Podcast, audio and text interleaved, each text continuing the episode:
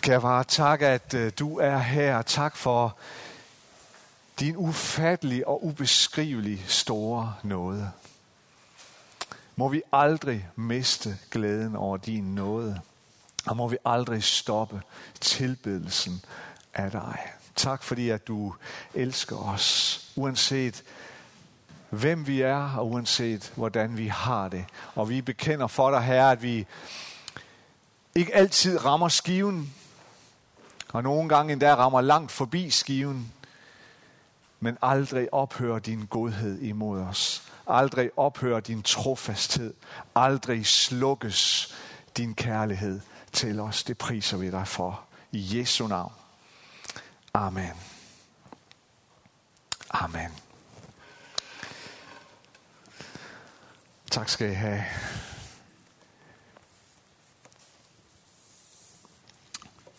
Hvad er det et menneske? Det er det her tema, vi kører nogle søndage med udgangspunkt i salme 8 i det gamle testamente, hvor David jo starter og slutter sin salme med præcis de samme ord. Herre, hvor herre, hvor herligt er dit navn over hele jorden. Og så ind imellem de her to, den her lovprisning af Guds storhed, stiller han spørgsmålet, hvad er der et menneske?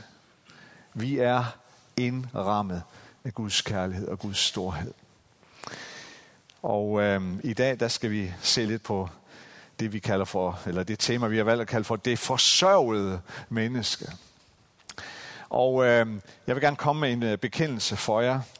Jeg, øh, jeg har det svært med hunde. Øhm, betyder ikke, at jeg har det svært med jer, der har hunde. På ingen måde. Men, men, men jeg, er, jeg, jeg, jeg bærer på en grundangst for hunde. Øhm, uanset om det er små eller store hunde. Jeg er aldrig helt tryg. Øhm, jo, når I er der sammen med jeres hunde, så er jeg, så er jeg tryg. Men ellers, så, ja, der, er en, der er en grundangst. Og, øhm, og jeg tror godt, jeg ved, hvor det stammer fra. Øh, der skal vi helt tilbage til, da jeg mener, jeg er fire år gammel. Og det er faktisk det første, det, det, det, det er det ældste minde, jeg, jeg kan huske. Det, det, det, det er det første, jeg kan huske om mig selv. Og så er det jo trist, at det er så dybt øh, et, et traumatisk øh, oplevelse. Men jeg har, øh, min familie har fortalt mig, at før det her, der var jeg rigtig glad for hunde. Altså de første år af mit liv, og fra jeg kunne gå og sådan nogle ting.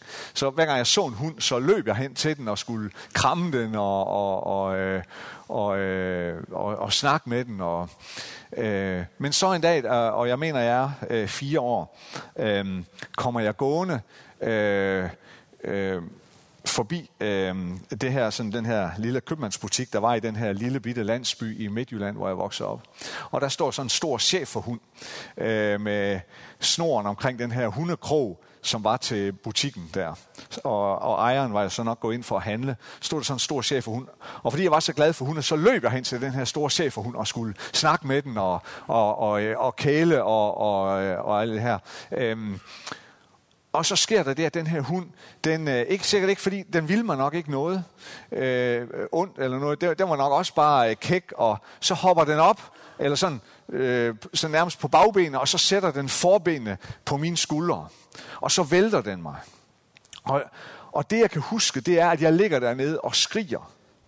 Og hen over mig med forbenene på mit bryst står sådan en stor chef for hund, og med ansigtet eller hovedet sådan hen imod. øhm, og der, der slukkedes lyset for Lars Midtgaard, hvad angår hunde, for siden aldrig at blive tændt. Og, og det bliver nok aldrig tændt. Så springer vi cirka 54 år frem i historien. Til sidste sommer, hvor jeg øh, i øh, små fire uger gik på en pilgrimsrute i, øh, i Italien, i den øh, toskanske sommerhede. Og, øh, og jeg har fortalt jer mange ting om den tur. Jeg tror også, jeg har fortalt jer om den her oplevelse før, men nu får I den igen.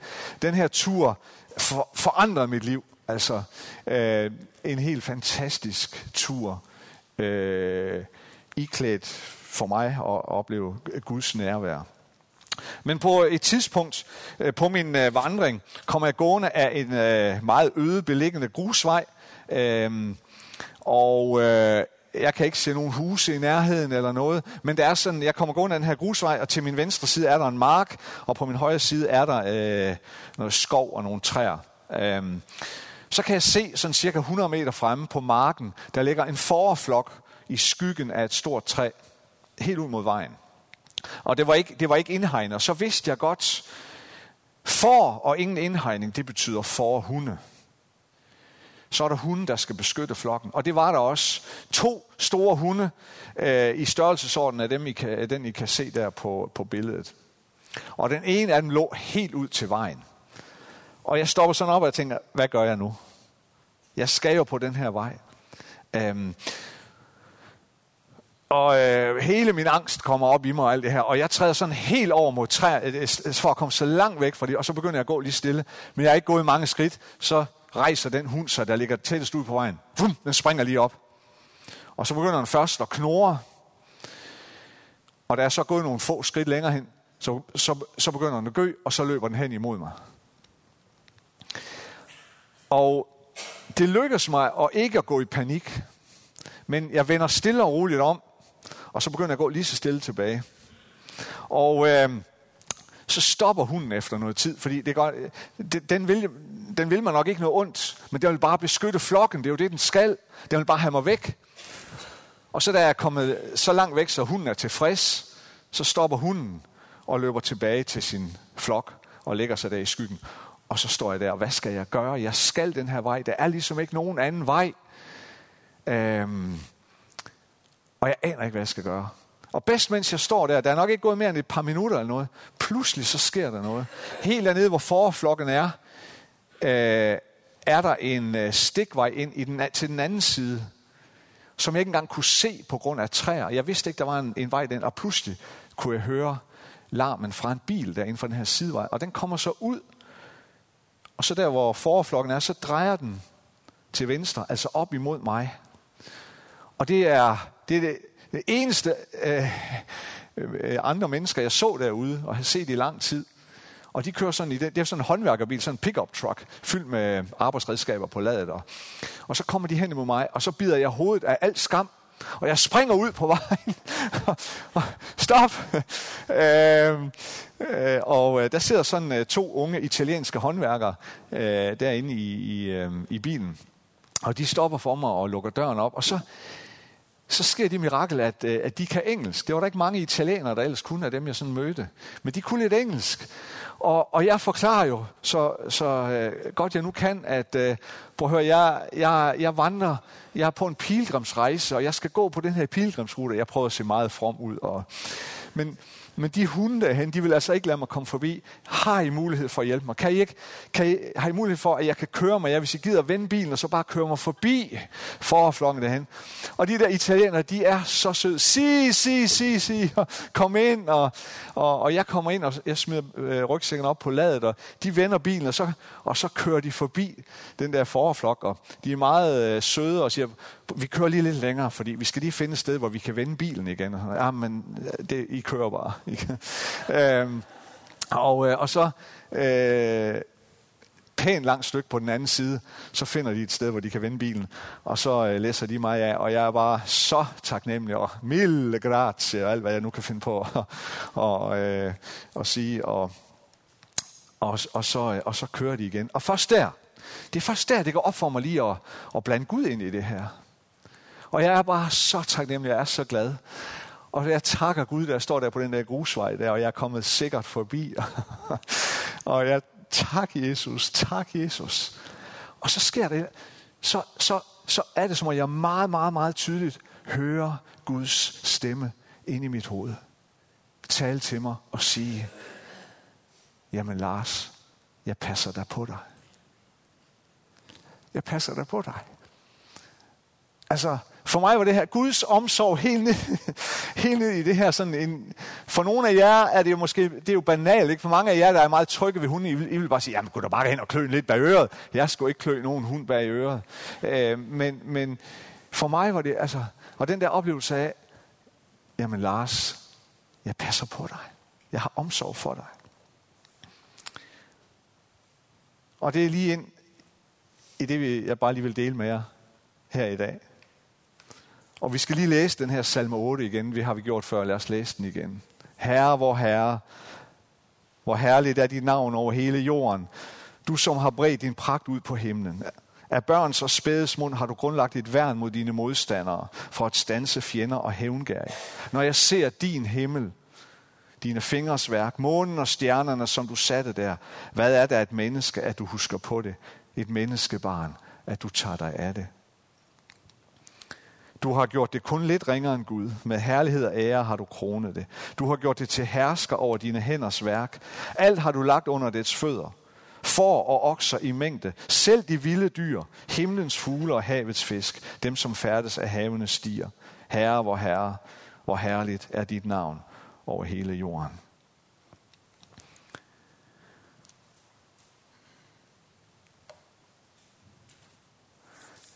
Den her salme den handler også om, at Gud er vores forsørger. I vers 5 så står der sådan her, hvad er det et menneske, at du husker på det? Et menneskebarn, at du tager dig af det. Vi mennesker er forsørgede mennesker. Vi står under Guds forsørgelse. Gud sørger for os.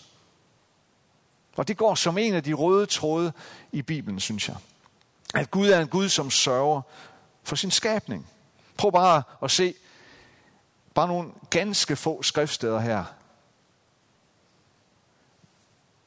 I Matteus evangelie kapitel 7, der siger Jesus, når der I som er onde, kan give jeres børn gode gaver, hvor meget snarere vil så ikke jeres far, som er i himlene, give gode gaver til dem, der beder ham.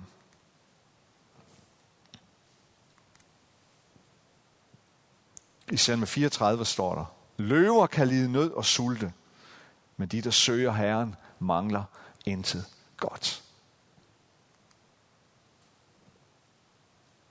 Jesus han siger i Matthæus kapitel 6, I må altså ikke være bekymrede og spørge, hvordan får vi noget at spise og drikke, eller hvordan får vi tøj på kroppen.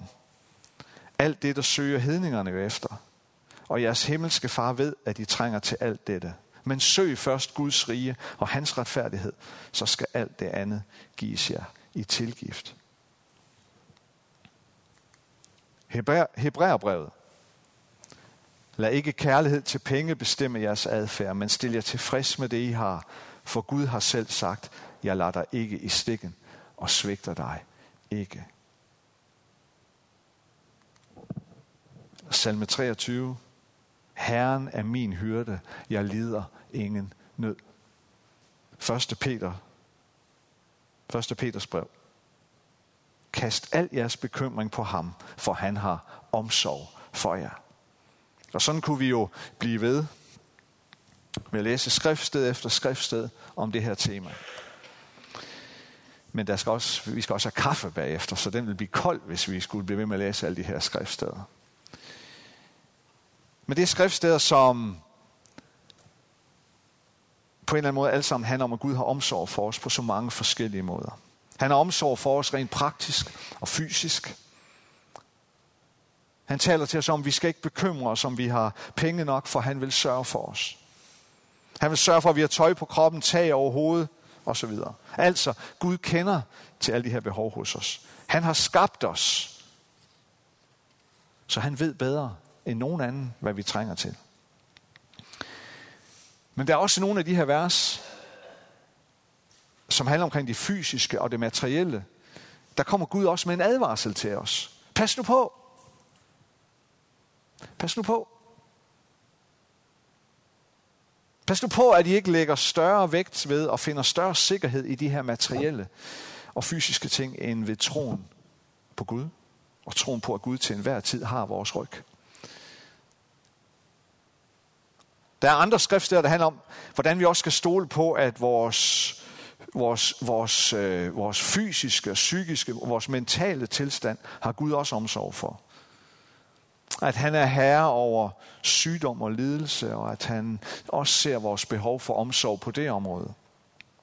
Og er der igen, så er der nogle af skriftstederne, der handler om, hvordan Gud har omsorg for vores åndelige tilstand. Det handler om, at nok vores allerdybeste omsorgsbehov, det er behovet for tilgivelse. For alt det, der skiller os fra Gud. At vores dybeste behov, det er nok behovet for at blive og være forenet med Gud. Og at opleve, at han frelser os.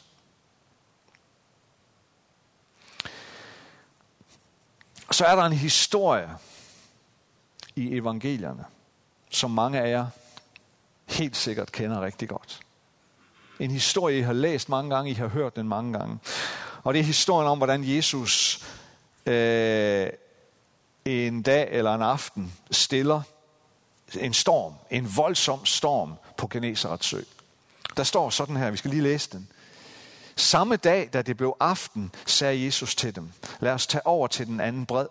Og de forlod skaren og tog ham med i den båd, han sad i, og der var også andre både med.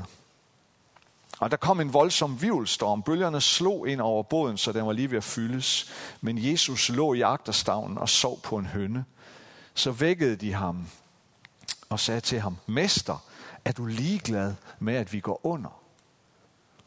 Og han rejste sig, truede af stormen og sagde til søen, Ti stille, hold inde. Og stormen lagde sig, og det blev helt blikstille. Så sagde han til dem, hvorfor er I bange? Har I endnu ikke tro? Og de blev grebet af stor frygt og sagde til hinanden, hvem er dog han, siden både storm og sø adlyder ham?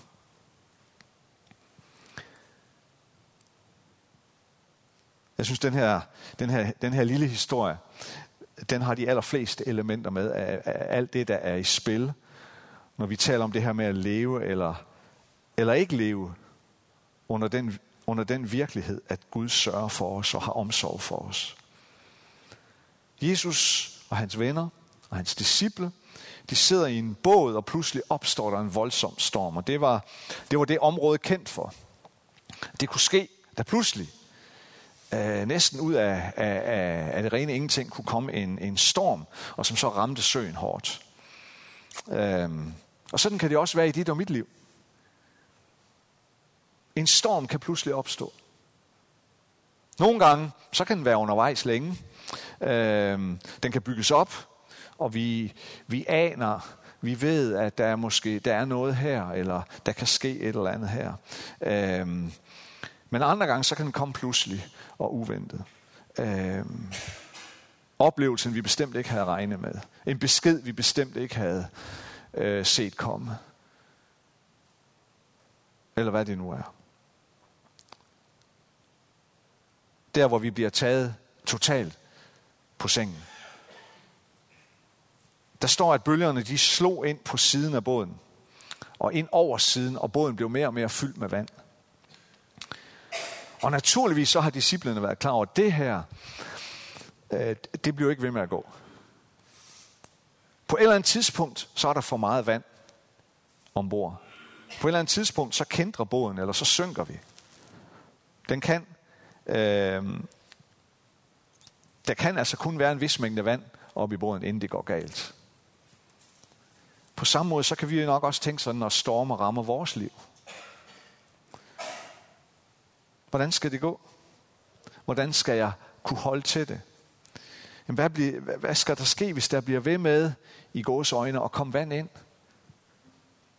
Og disciplene, de kæmper med, og de kæmper mod den her stærke vind. Og de er ved at tabe. De er ved at tabe kampen.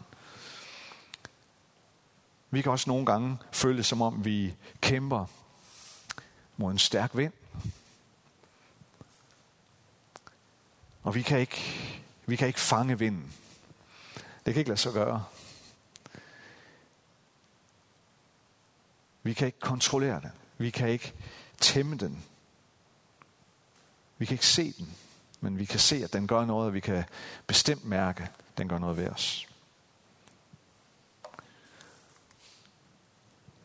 Og så skifter kameraet ligesom fokus, fordi hvor er Jesus hen midt i det her?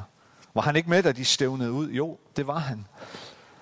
Og det, han, er der, han er der stadigvæk, men så alligevel ikke helt. For han ligger nede bag i båden og sover. Hvorfor sover Jesus der i båden midt i stormen? Hvorfor, hvorfor er han faldet i søvn? Hvad er det? hvad er det, Gud vil fortælle os igennem det? Hvorfor sov Jesus? Er det for at illustrere, at Jesus han var, han var menneskelig? At han også blev træt, og han blev også udmattet som et hvert andet menneske? Ja, måske er det pointen. Eller er det for at illustrere, at Jesus han, han også var, han også er, er Gud? At han overhovedet ikke frygtede hverken vinden eller bølgerne, eller hvad de kunne gøre ved ham. Ja, måske er det det, Gud vil fortælle os. Eller var det for at henlede vores opmærksomhed på den der hændelse, som vi kan læse om i det gamle testamente, om en, der hed Jonas, hvor der også pludselig opstod en storm i Rumsø, og hvor de så smed Jonas over bord, og så stillede Gud stormen for dem er måske. Det kan være, det er alle tre ting. Men faktum er, at Jesus sov. Faktum er, at disciplen de måtte råbe til ham for at vække ham. Mester! Er du ligeglad med, at vi går under? Er det ikke også det, vi kan opleve indimellem? Kender du ikke til den her oplevelse af, at det er som om Jesus sover? Det er som om Gud har lagt sig til at sove.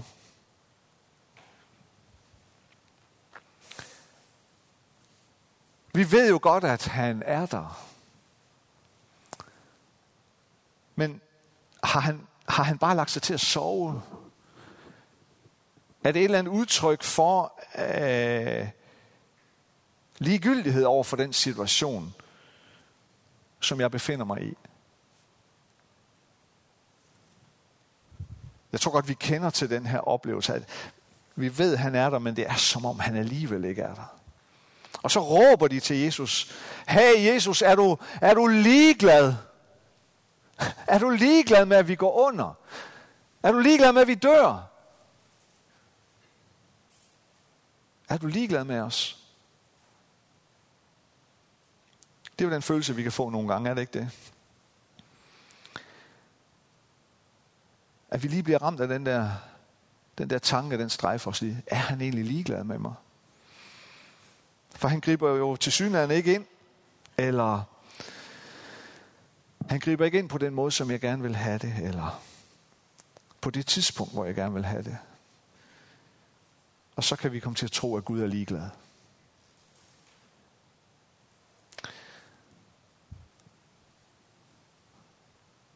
Problemet er bare, at med alt det her, det er meget, for, det er meget forståeligt. Det er meget naturligt at tænke sådan. Men så er vi jo også i færd med at, at tilskrive Gud nogle menneskelige karaktertræk som er forkerte, og som Gud ikke har. For Gud er Gud, og vi mennesker er mennesker. Gud er Gud, og vi er mennesker.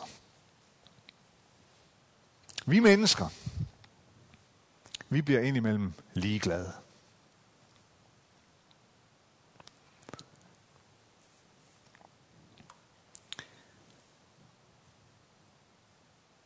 Vi bliver indimellem ligeglade, også med ting eller omstændigheder, som vi ikke burde være ligeglade med. Vi mennesker, vi bliver nogle gange ligeglade med andre, fordi vi sidder fast i vores egen egoisme, vores egen selvtilstrækkelighed, vores egen egoisme. Jeg vil våge den påstand, at det gør Gud aldrig. Gud er aldrig ligeglad med dig.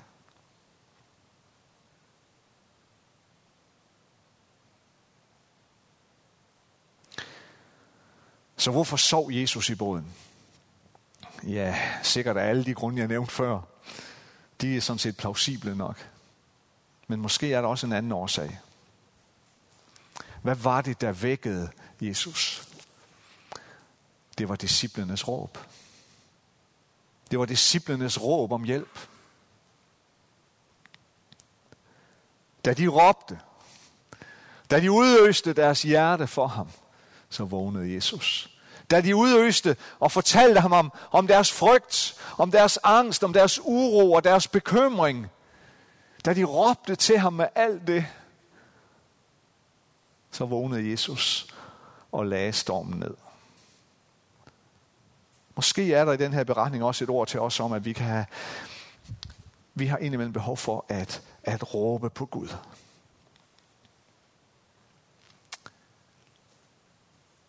Indimellem så sker der ting, det er, det er det, der sker, når vi lever i den her verden. At indimellem så opstår behovet for at råbe til Gud. Og det er at råbe til Gud. Det er at råbe al vores smerte ud, eller al vores bekymring, eller alt det, der gør os ked af det, ud. Det rører altid et eller andet i Guds hjerte. Det kalder på Guds hjerte. Jeg tror, det her også er en påmindelse til os om, at det rent faktisk er okay at råbe til ham en gang imellem. Og nogle gange har vi, har vi behov for at råbe efter ham. Men det er okay at råbe efter Gud. Det er okay at råbe på ham. At det er okay med vores råb, og med al vores smerte og hvad vi bærer på, og lige minde ham om, at han rent faktisk har lovet os at altid stå ved vores side. Ikke at Gud har glemt det, men selve det at råbe efter ham, at opleve behovet for at minde ham om det, er et vigtigt element i vores relation med Gud. Råb til din Gud, lad ham høre din sang. Råb til ham. Kald på ham. Alt det, der gør dig bange, alt det, der gør dig ked af det, alt det, der smerter dig, alt det, der vækker frygten i dig.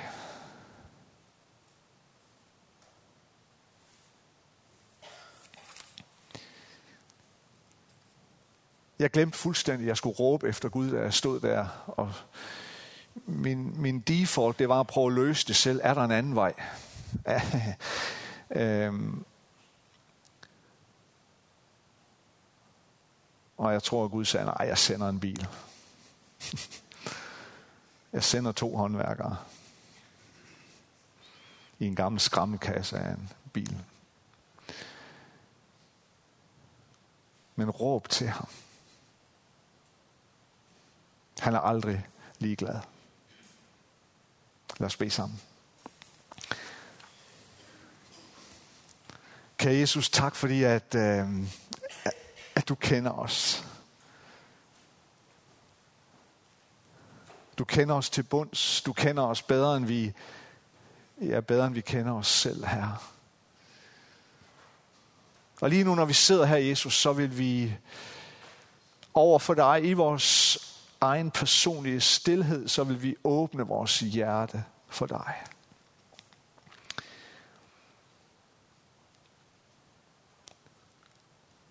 Og så vil vi komme med vores indre råb, vores frygt, vores uro, vores bekymring. Vi vil komme til dig med de stunder af oplevelsen af at det kan være svært for os at tro, fordi vi er så overmandet af livets omstændigheder. Vi vil bringe det til dig. Der hvor vi er bange, fordi der er et menneske, som vi holder meget af, som, som har det svært lige nu. Og al den uro og den bekymring for det andet menneske, vi bringer det til dig.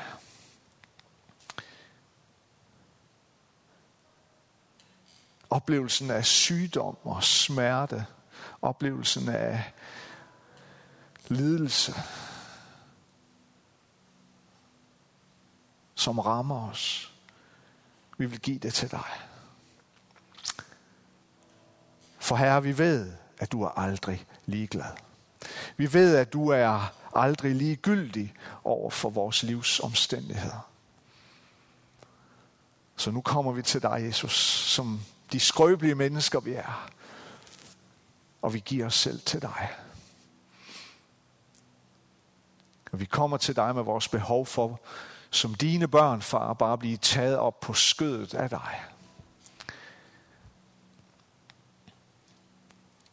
Vi kommer til dig med vores behov for at høre dig viske i vores ører, i vores indre og i vores hjerte. Jamen, jeg passer jo på dig. Det er vores længsel, far. Og tak, at vi må råbe efter dig. Giv os en indre stemme, der aldrig bliver svag i vores råb efter dig.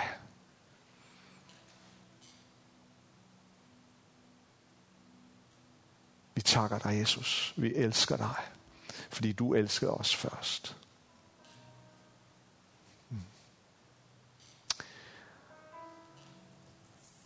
Vi vil gå ind i, i, øh, i lovsang nu. Lad os, lad os tilbede sammen. Hvis du har kræfter til det, så rejs dig op og vær med. Øh, men du kan også bare blive siddende, præcis som at du vil. Øhm, har du brug for, at vi skal, øh, er, er der, har du brug for at blive bedt for, øhm, så vil jeg stille mig ned ved døren dernede. Jeg vil rigtig gerne bede for dig. Jeg vil sige dig i den, ja, den, bed for dig ind i den situation, som du befinder dig i, uanset hvad det måtte være. Eller prøv at spørge sidemanden, vil du bede for mig? Så lad os bare være i den her ånd af tilbedelse og taknemmelighed til Gud, til ham som aldrig er ligeglad.